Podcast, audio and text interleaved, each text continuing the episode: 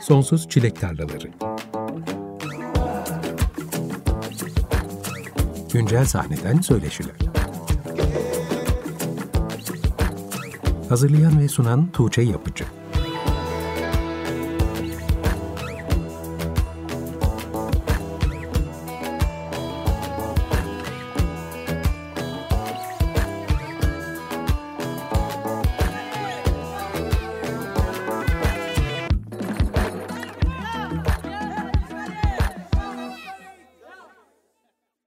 95.0 Açık Radyo'da Sonsuz Çilek Tarlaları programından herkese merhaba. Ben Tuğçe Yapıcı. Geçen hafta 57. yayın döneminin ilk bölümünde Nihal Saruhanlı ile beraberdik. Bu akşam yine yerli sahnenin birden fazla projede aktif olan son derece üretken müzisyenlerinden biriyle beraberiz.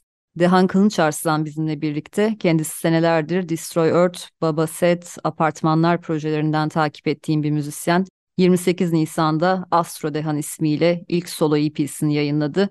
Bu akşamki programa da bu albümden Ağıt adlı parçasıyla başladık. Önümüzdeki bir saat boyunca da Deha'nın çeşitli projelerinden bugüne kadar yayınlanan ve henüz yayınlanmamış kayıtlar dinlemeye devam edeceğiz. Hoş geldin Dehan. Merhaba, hoş buldum. Beni davet ettiğin için teşekkür ederim. Ben de çok teşekkür ederim yoğun programında vakit ayırıp geldiğin için. Nasılsın, nasıl gidiyor hayat? İyiyim, koşturmaca. Böyle çok sevdiğim bir şey. Havalar ısınınca da bayağı bir aktifleşen bir insanım.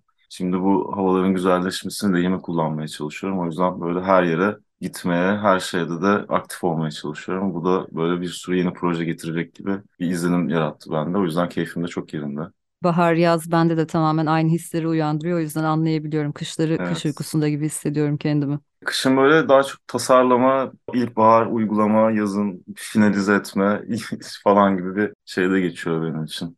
Yeni albümün için tebrik ederim. Solo olarak bir şeyler yaptığının haberini almıştım ama yayınlanması sürpriz oldu. Ne zamandır aklında solo bir proje fikri vardı? Teşekkür ederim. Ee, sanırım 3 yıldır falan üstüne uğraşıyorum aslında bu şarkıların. Yani böyle pandemiyle birlikte biraz prodüksiyon öğrenme, diğer enstrümanları nasıl kaydedeceğimi çözmeye başladığım bir süreç yaşadım aslında. Bu da böyle ses kaydını, mixlemeyi, masteringi, prodüksiyon, aranjeyi vesaire öğrenirken ya bakmışım elimde melodiler birikiyor. Bunlar şarkılara dönüşmeye başlıyor. Bir formu olmaya başlıyor falan gibi.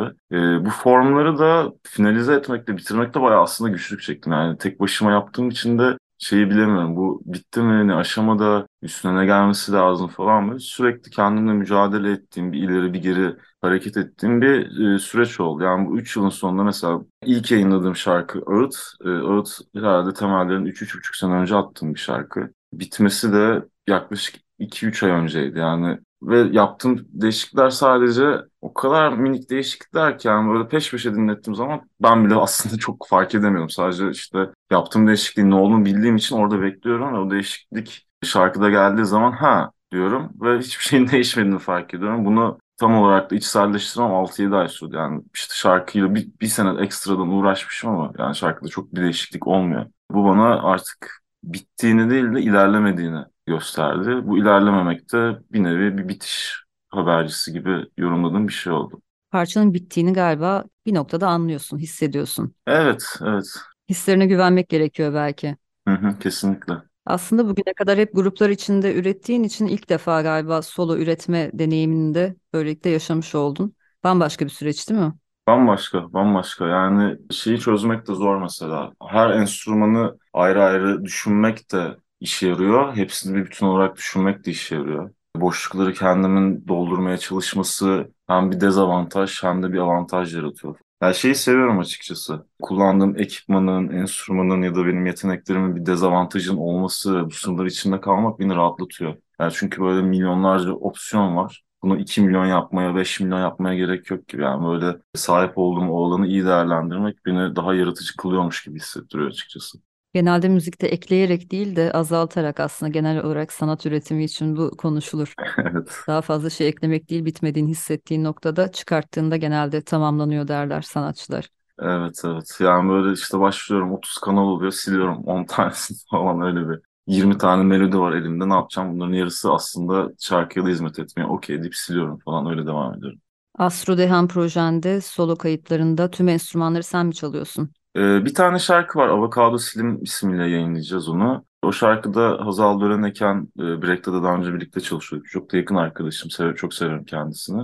O trombon çaldı. Uzun süredir de trombon çalmıyordu bu arada. Yani özel bir ricada bulundum. Biraz ısrar ettim. Evine gidip evinde kaydettik. Hatta banyosunda kaydettik. Ee, bir böyle ekosunu almak ve işte daha farklı bir ortamda kayıt deneyimi şey yapmak için. Ya 3 yıldır trombon çalmayan birine trombon çaldırmayı başarmak da beni çok mutlu ediyor. Bir de e, Hazal'ın ana enstrümanı da trombondu. Köklerine dönmüş olması ve işte geçmişinden böyle nostaljik bir hissiyatla çalması beni çok mutlu etti. Şeye de çok dokunmadım kaydettiğimiz şeylere. Birkaç take aldık. Son take'i de olduğu gibi bıraktım. Öyle koydum. Bunun dışında tüm diğer enstrümanlar senin imzanı taşıyor. Onun dışında hepsi evet.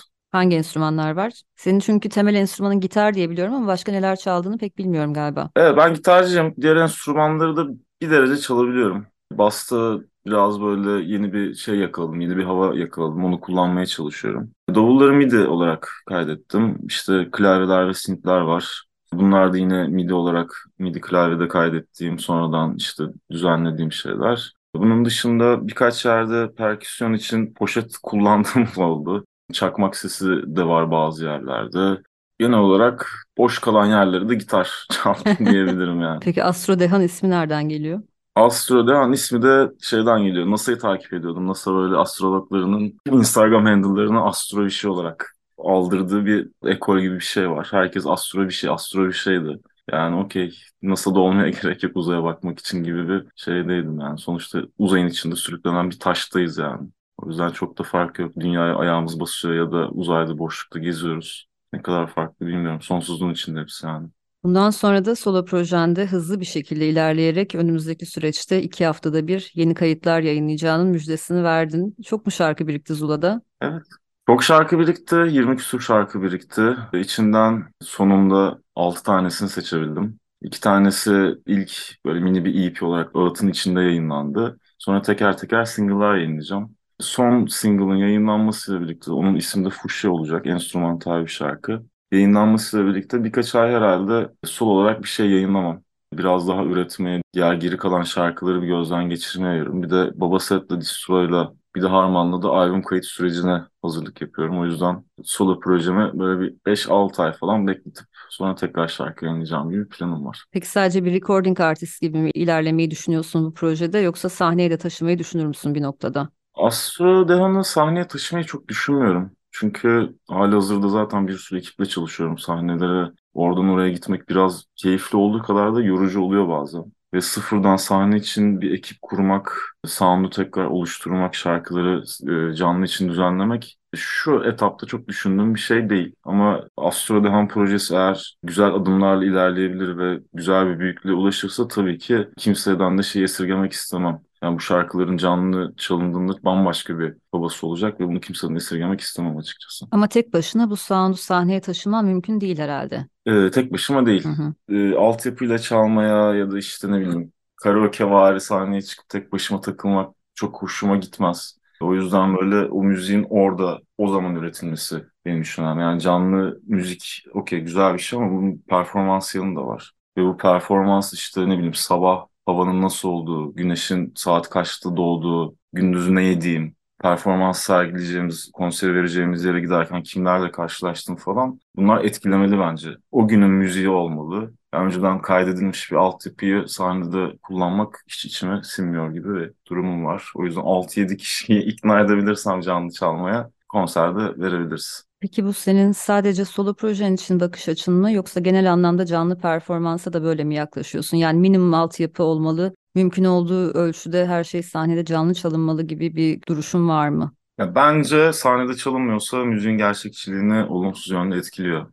Gittiğim konserde altyapı duymak beni mesela şey hissettiriyor biraz. O hani filmlerde dördüncü duvarın kırılması Hı hı. gibi bir hissiyat var ya. Onu yaşatıyormuş gibi. Yani Ben benim de çok sevmiyorum canlı konser izlerken. Evet. O konser alanından çıkarıyor ve bir başkasının stüdyosuna ya da kaydettiği yere ya da işte o an içinde bulunduğum yerin dışında bir yere itiyor beni ve anda kalmamı zorlaştırıyor. O yüzden çok taraftarı değilim. Farklı projelerde üreten müzisyenler genellikle ürettikleri bazı parçaları hali hazırda dahil oldukları projelere pek de uygun bulmadıkları için nihayetinde solo olarak yayınlamaya karar verdiklerini anlatıyorlar. Senin için de böyle mi gelişti solo proje fikri? Evet çok güzel bir soru. Aşağı yukarı evet.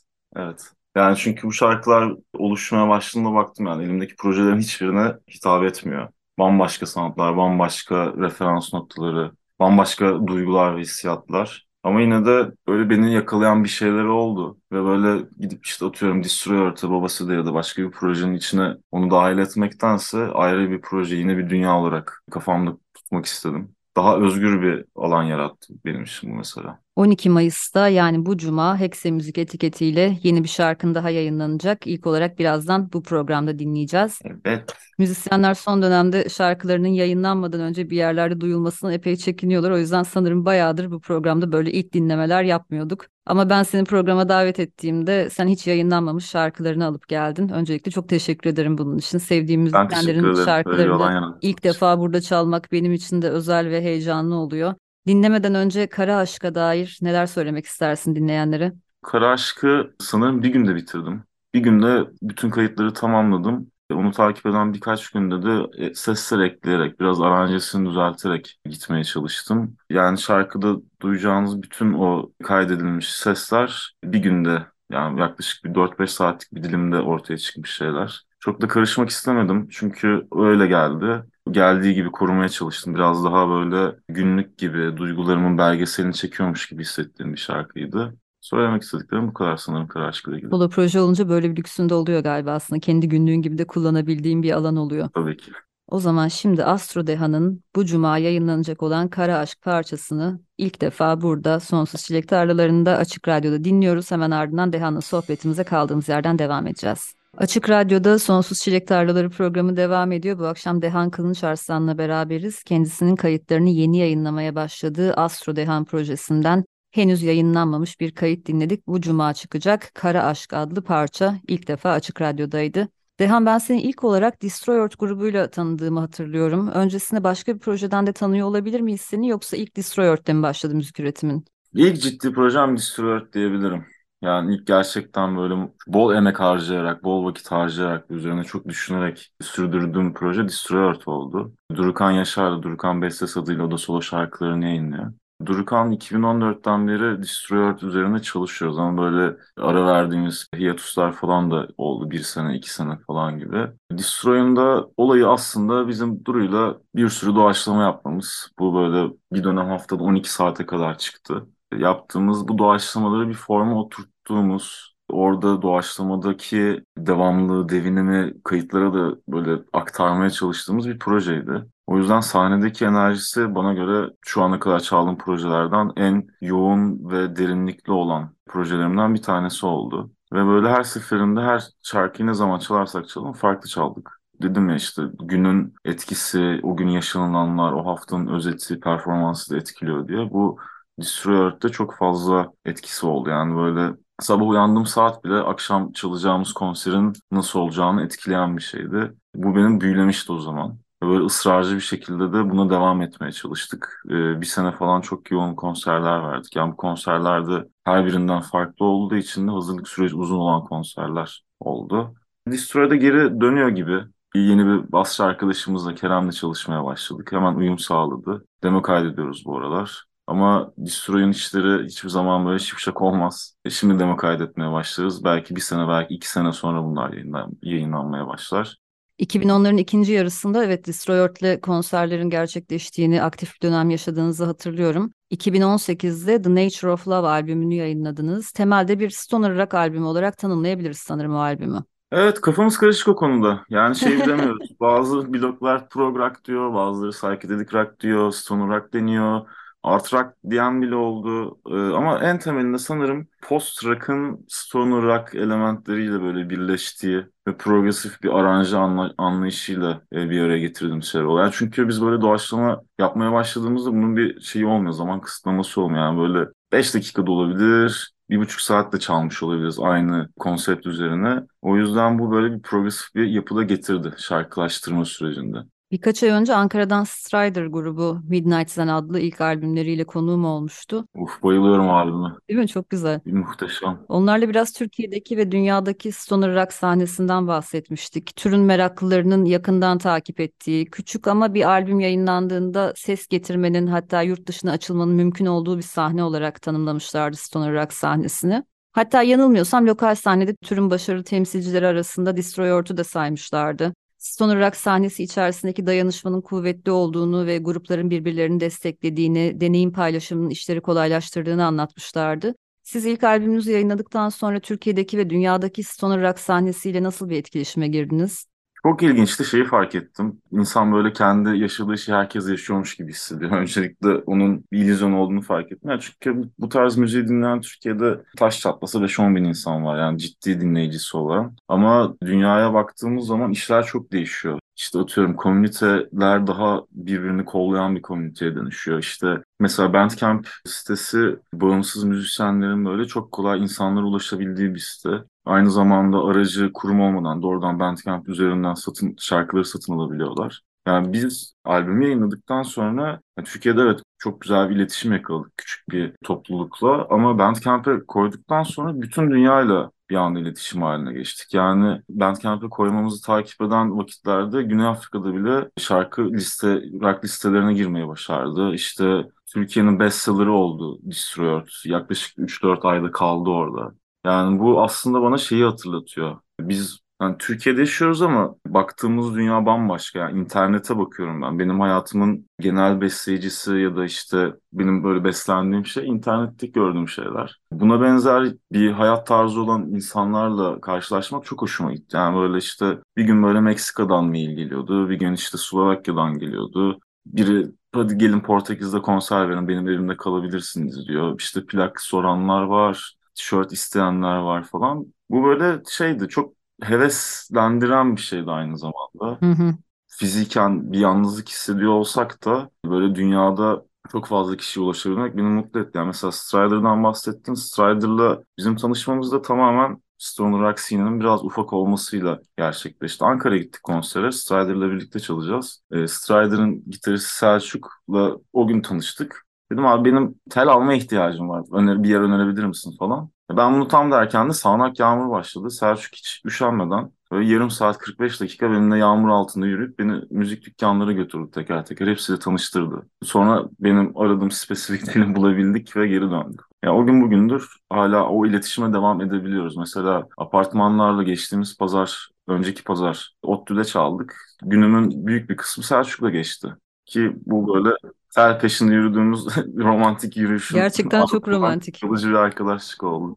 Yani sadece Selçuk'ta değil, pek Sin'den pek çok kişi birbirini kolluyor demek çok doğru olmaz ama birbirini önemsiyor ve böyle ortak faydaya hizmet edecek davranışlar sergiliyor. Bu beni çok mutlu ediyor açıkçası. Selçuk galiba şeyden de bahsetmişti. Bir takım Facebook grupları var. Oralarda paylaşabiliyorsun. Albümünü paylaştıktan Hı-hı. sonra gerçek bir ilgi görüyorsun. Ve o sahnenin içindeki çoğu insan aslında bir açıdan üretimin bir ucundan tutan insanlar. Yani ya DJ'ler ya blokları var ya radyo programcıları programlarında yer veriyorlar. Belki işte Türkiye'den e, baktıklarında bir grup çıkıyor ve çok ilginç geliyor dünyanın başka yerlerindeki bu sahnenin içindeki üretici insanlara ve sonrasında Türkiye'den çıkan başka grupların da önünü açıyor olabilir bu süreç. Evet evet yani çok hızlı yayılıyor böyle bir şey gibi. Çok uzağa giden çok ince iplikler gibi geliyor bana bu stoner rock camiasının dinleyicileri ve müzisyenler arasında. Mesela şey e, Naxatras diye Yunanistan'dan bir grup var. Bunlar dünya çapında bayağı büyük bir bilinirlik elde etmişlerdi.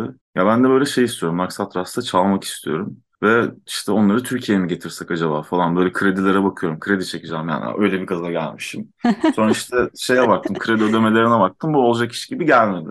Oradan böyle bir iki ay falan geçtikten sonra Max Atras'ın e, Türkiye'de konser vereceği açıklandı. Zorlu'nun listesinde açıklandı. Dedim aha bu işi çözmemiz lazım falan. Kime yalvaracağız? O öyle bir noktaya geçtim bu sefer. İşte e, Destroyer'ı Tantana Records'tan yayınlamıştık. E, Reha ve Şule'nin de bağlantıları çok iyi.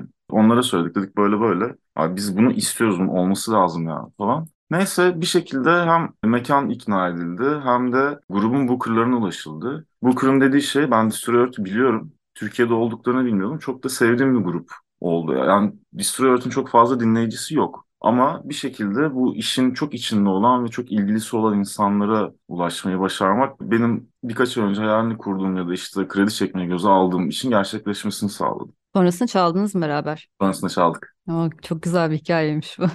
Evet. Yani gerçekten böyle şeye baktım. Kredi nereden çekerim, nasıl çekerim, ne kadar geri ödeyeceğim, buraya getirmek ne kadar olur, onların turnesindeki boşluğu yakalayabilir miyim falan. Böyle bunları bayağı bayağı düşündüm. Hatta şey bile düşündüm. Ben gideyim arkadaşımla kalayım, onlar bizim arada kalsın, oradan otel masrafından kurtuluruz belki falan gibi küçük hesaplar bile yaptım. Zaten hep böyle dönüyor işler bu küçük sahnelerde değil mi? Evet, biraz öyle. Yakın zamanda apartmanlarla ODTÜ'de bir konser verdiğinizi anlattın demin. Nasıl geçti konser? Ya her şeyden önce Ankara'da çalmayı çok seviyorum. ODTÜ'ye her gittiğimde aşırı eğleniyorum. Oradaki insanların o enerjisi, müziğe olan ilgileri beni büyülüyor açıkçası. Yani Ankara'da hiç beni e, memnuniyetsiz bırakan bir konser yaşamadım. Aksine bana böyle haftalarca bazen aylarca enerji veren böyle bir komünitenin içinde yer almış oldum. Bu beni çok mutlu ediyor. Yani apartmanlarda anladığım kadarıyla Ankara'da bayağı sevilen bir grup. Konserin neredeyse tamamını eşlik ettiler. Herkes ayakta böyle zıplayarak konsere dahil oldu. Ben de seyircinin arasına daldım bas gitar çalarken falan böyle.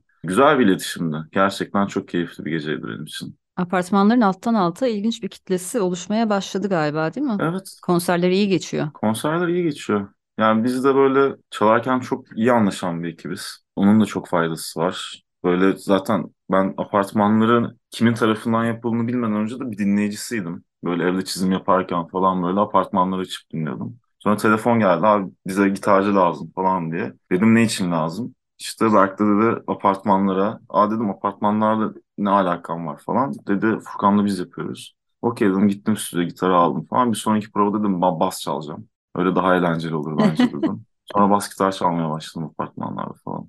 Ne zaman dahil olmuştun sen? Ee, çok emin değilim ya. Çünkü apartmanların biraz şansı yok.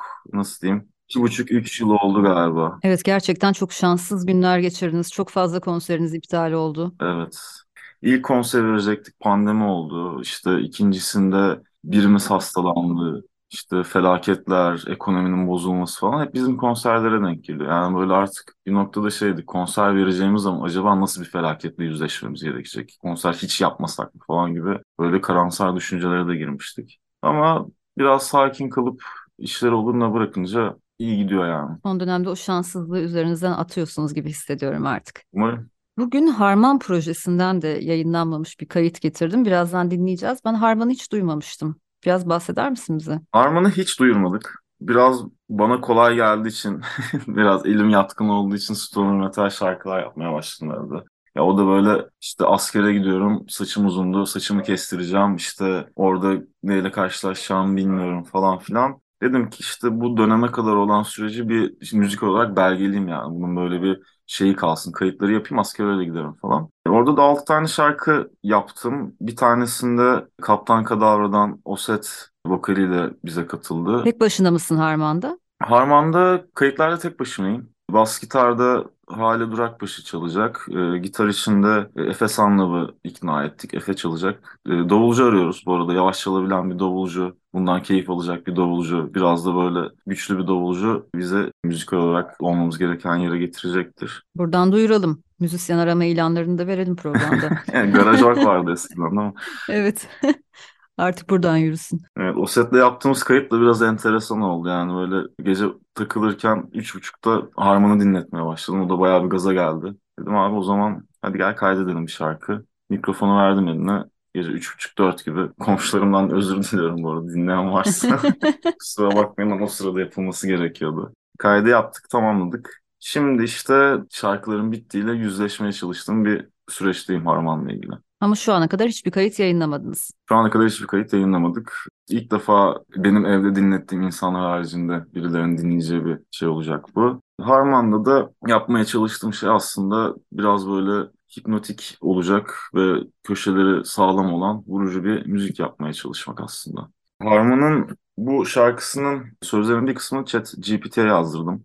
E, konsepti verdim, grubu açıkladım, önceki şarkıların sözlerinden biraz bahsettim falan. Bana güzel bir metin hazırladı. Ama tabii onunla yetinmek istemedim. Biraz daha karamsar yapmasını önerdim. Yani önerdim derken zorladım desem daha doğru olur.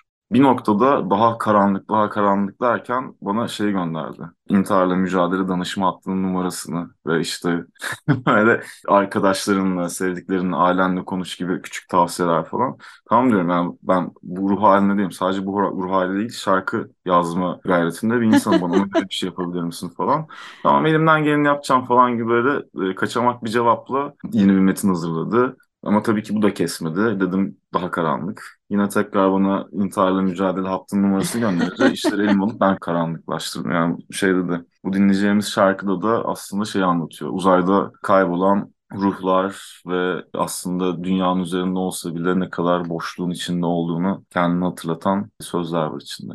Son dönemde yapay zeka sanatsal üretimde de epey kullanılmaya başlandı. En azından denemeler yapılıyor. Senin de ilk denemen oldu galiba bu. Harman'da bir şarkıda daha yaptım.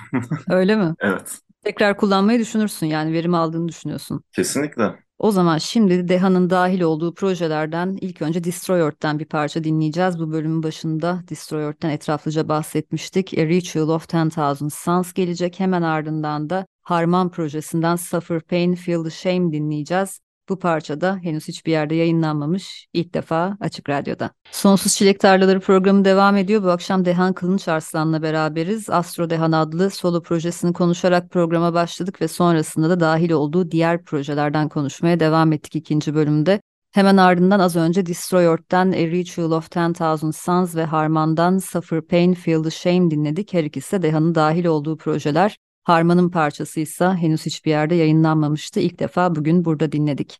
Programın bir önceki bölümünde bir takım projelerinden bahsettik ama Yağız Nevzat İpek'le ortak projeniz Baba Sed var bir de. Onu programın sonuna saklayalım diye düşünmüştüm artık zamanı geldi. 2021'de iki single yayınlamıştınız ama aslında o zamandan beri de her fırsatta çalıyorsunuz. Son dönemde konserlerde yoğunlaştı sanırım. Deprem sonrasında da bir takım dayanışma konserlerinde sahne aldınız. Nasıl gidiyor Babaset cephesinde çalışmalar bu yıl içerisinde sizden yeni kayıtlar duyar mıyız artık? İyiyiz, çok eğleniyoruz gerçekten. Bizim için yeni bir müzik yapış tarzı bu. Yani Yağız zaten sahnelerin gediklisi, büyük sahnenin de küçük sahnenin de underground müziğin de mainstream'in içinde de yıllarca çok yoğun bir şekilde olmuş biri. Ama bu sefer daha planlı, programlı müzik üretmekten ziyade hep böyle bir mod yaratıp o modun içinde kalmaya çalıştığımız ve birbirimizi çalarken çok fazla kolladığımız bir müzik yapmaya başladık. Efe Sanlav katıldı bize. O da bizim bastırımızı çalıyor. O da Yangın'ın e, gitaristi aynı zamanda. Yangın'ın da çok güzel bir albümü çıktı ya da çıkacak. Ben önden dinleme fırsatı bulduğum için ne zaman çıktığını ya da çıkacağını bilmiyorum. Ama bayağı da büyük bir beklentim var. Muhtemelen çıkmamıştır. Bu Çıkmadı, beklenti evet. henüz karşılanmadığına göre.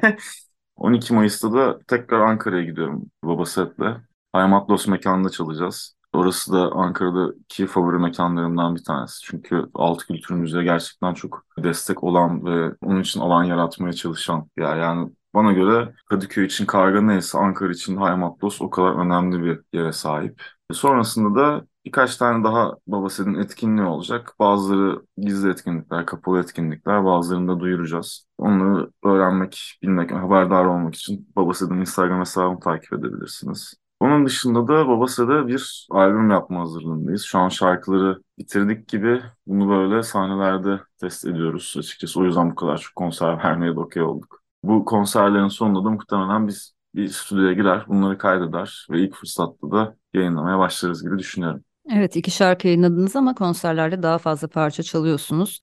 Konserinizi izlediğimde doğaçlamaların sanki yoğunlukta olduğunu hissetmiştim. Doğru mudur acaba? Evet doğru. Her şarkıya şey koyuyorum. Daha doğrusu Yağız'ı en başından beri istediğimiz şey buydu. Bir oyun alanınız olmasını istiyorsunuz galiba Babaset'te. Kesinlikle. Yani istiyorum ki şarkı 3 dakika 5 dakika fark etmez ama biz böyle çalabilelim. 30 dakika 40 dakika olsun bazen şarkılar falan. Ya bunun için de bana en büyük ilham şey oldu. Gözyaşı Çatısı. Hı hı. Gözyaşı Çatısı'nın sahne süresi 3 saat 4 saat arası ama 3 tane şarkı çalıyorlar. Ve böyle hiçbir zaman şeyi de hissetmedim yani. Aynı şarkı mı çalıyor falan diye böyle bir yolculuk gibiydi her seferinde. O yüzden o çok güzel bir örnek oldu ve şarkıları daha böyle açık tutmaya, boşluklar yaratmaya ya da işte kaçış noktaları yaratmaya özen göstermeye başladık. Yerli sahnede aslında çok müzisyen Gözyaşı Çetesi'nden ilham aldığını söylüyor. Programda defalarca ismi geçti bu anlamda. Bir gün umarım onları da konuk ederim. Aslında yeni bir kayıt bekliyorum. Denk getirmeye çalışıyorum. Ama galiba onlar kayıt yapmaktan ziyade canlı çalmayı daha çok seviyorlar gibi. Evet şeyi nasıl yaptıklarını çözemiyorum. Yani onların çaldıkları şarkılar böyle kaydedilecek ya da kaydedildiği zaman aynı etki yaratacak şarkılar mı çok emin olamıyorum. Ya çünkü böyle o şarkının onların anlattığı gibi anlaşılması için gerçekten belki yarım saat, bir saat kaydedilmesi lazım. Ama kimse de böyle bir kayda kolay kolay cesaret edemiyor. Çünkü zaten işte ne bileyim sektörün getirdiği dandik kısıtlamalar, işte ne bileyim plağa basmak için belli süre sınırlamaları olması falan filan gibi böyle garip zorluklar oldu. Evet, Canlı izlenmesi gereken bir grup. Baba Sed için de aynı şeyi söyleyebilirim. Canlı izlediğimde kayıtlardan çok daha başka bir his aldığımı söylemem gerek. Özellikle Grateful ederim. Dead'in böyle eski konser kayıtlarında onları izlerken hissettiğime benzer bir şeyler hissettim konserde. Uuu, çok havalıymış. Grateful Dead de çılgın bir grup ya. Senede 200 konser verip aynı Evet, şarkıyı aynı şekilde bir daha hiç çalmamaları falan. Çok çok acayip gerçekten. siz de biraz öyle olacaksınız herhalde. Öyle umuyorum. Öyle umuyorum. Daha çok şarkı, daha çok şımarıklık. Ne kadar iyi çalarsak o kadar şımarırmışız gibi geliyor. Şımarabilirmişiz gibi geliyor. Dehan programın sonunda Baba Sed'in Kutu şarkısı için Zafer Sernikli'nin yaptığı remix'i dinleyeceğiz. Kutu benim de bu programda birkaç defa çaldığım, çok sevdiğim, akılda kalıcı bir parça. Bir defa dinleyince unutmak pek mümkün değil. Nasıl çıktı bu remix fikri ortaya? Her zamanki iş yapış şeklim gibi sokakta Zafer'le, sokakta değil sahilde, kalın sahilde karşılaştık. Şarkıyı zorla böyle ayaküstü dinletip abi bunun remixini sen yapsan o kadar iyi olur ki deyip ikna ettik. O da gerçekten bizim konudaki kendimizi ikna edişimize inandı. O da ikna oldu. Ve böyle benim çok içime sinen bir çalışma çıkardı ortaya. Ee, umarım ki onu da Babası'nın önümüzdeki kayıtlarını yayınlarken ondan biraz önce ya da biraz sonra ya da içinde paylaşmak istiyoruz. Evet, bu akşam yine yayınlanmamış bir kayıtla veda edeceğiz sizlere. Bu remix de henüz yayınlanmadı. İlk defa burada dinleyeceksiniz. Çok teşekkürler Dehan. Senin gibi üretken müzisyenleri ağırlamak benim için her zaman çok eğlenceli oluyor. Dinlenecek çok sayıda kayıt ve üzerine konuşulacak birden fazla proje olunca program nasıl geçiyor anlamıyorum. Bir saate sığmak da hiç kolay olmuyor. Bu akşam da hem ben seni daha yakından tanımış oldum. Müzikal üretiminin benim için nispeten karanlık olan noktaları aydınlanmış oldu. Hem de dinleyiciler senin çok yönlü üretimlerinle tanışmış oldular. Bu keyfi bana bahşettiğin için teşekkür ederim. Son olarak eklemek istediğim bir şey olur mu? Ee, son olarak eklemek istediğim bir şey yok. Sana teşekkür etmek istiyorum. Beni davet ettiğin ve böyle üzerine düşünmüş sorular sorduğun için. Bu benim ilk e, radyo deneyimim oldu. Ve bir sonrakiler için çok heveslendim. Çünkü çok eğlendim seninle konuşurken. Astro Denen projesini e, yayınlamam için beni teşvik ettiğinden ötürü ve bana alan yaratmalarından dolayı Hexe Müzik ailesine teşekkür etmek istiyorum. Hem e, işlerini çok iyi yapan bir ekip hem de arkadaş olarak da çok sevdiğim insanlar. Onlara teşekkürü de ayrıca söylemek istedim. Dinleyen herkese teşekkür ederim. Bu şarkıları henüz yayınlamadığımız için de özür dilerim. Tekrar dinlemek isterseniz beklemek zorundasınız. Ama bunun için beni ya da işte projelerimin e, sosyal medya hesaplarını takip edip de çıkacağı zamanı önceden öğrenebilirsiniz. Önümüzdeki senelerde nicelerini yapacağız bu programların. Yeni kayıtlar yayınlandıkça gruplarınla da ayrıca beklerim seni. Şimdiden davetimi geçmiş olayım. Bu haftalıkta Sonsuz Çilek Tarlalarının sonuna geldik. Bu akşam Dehan Kılınç Arslan'la beraberdik. Yeni kayıtlarını yakın zamanda yayınlamaya başladığı Astro Dehan adlı solo projesinden ve dahil olduğu Destroyort, Baba Set, Apartmanlar Harman projelerinden bahsettik. Bir takım yayınlanmamış kayıtları da ilk defa bu akşam burada çalma şansı bulduk. Şimdi yine hiçbir yerde bulamayacağınız, ilk defa burada dinleyeceğimiz bir kayıtla programı noktalayacağız. Baba Sed'in 2021'de yayınlanan Kutu parçasının Zafer Sernikli remix ile sizlere veda ediyoruz. Gelecek hafta aynı saatte görüşünceye kadar hoşçakalın.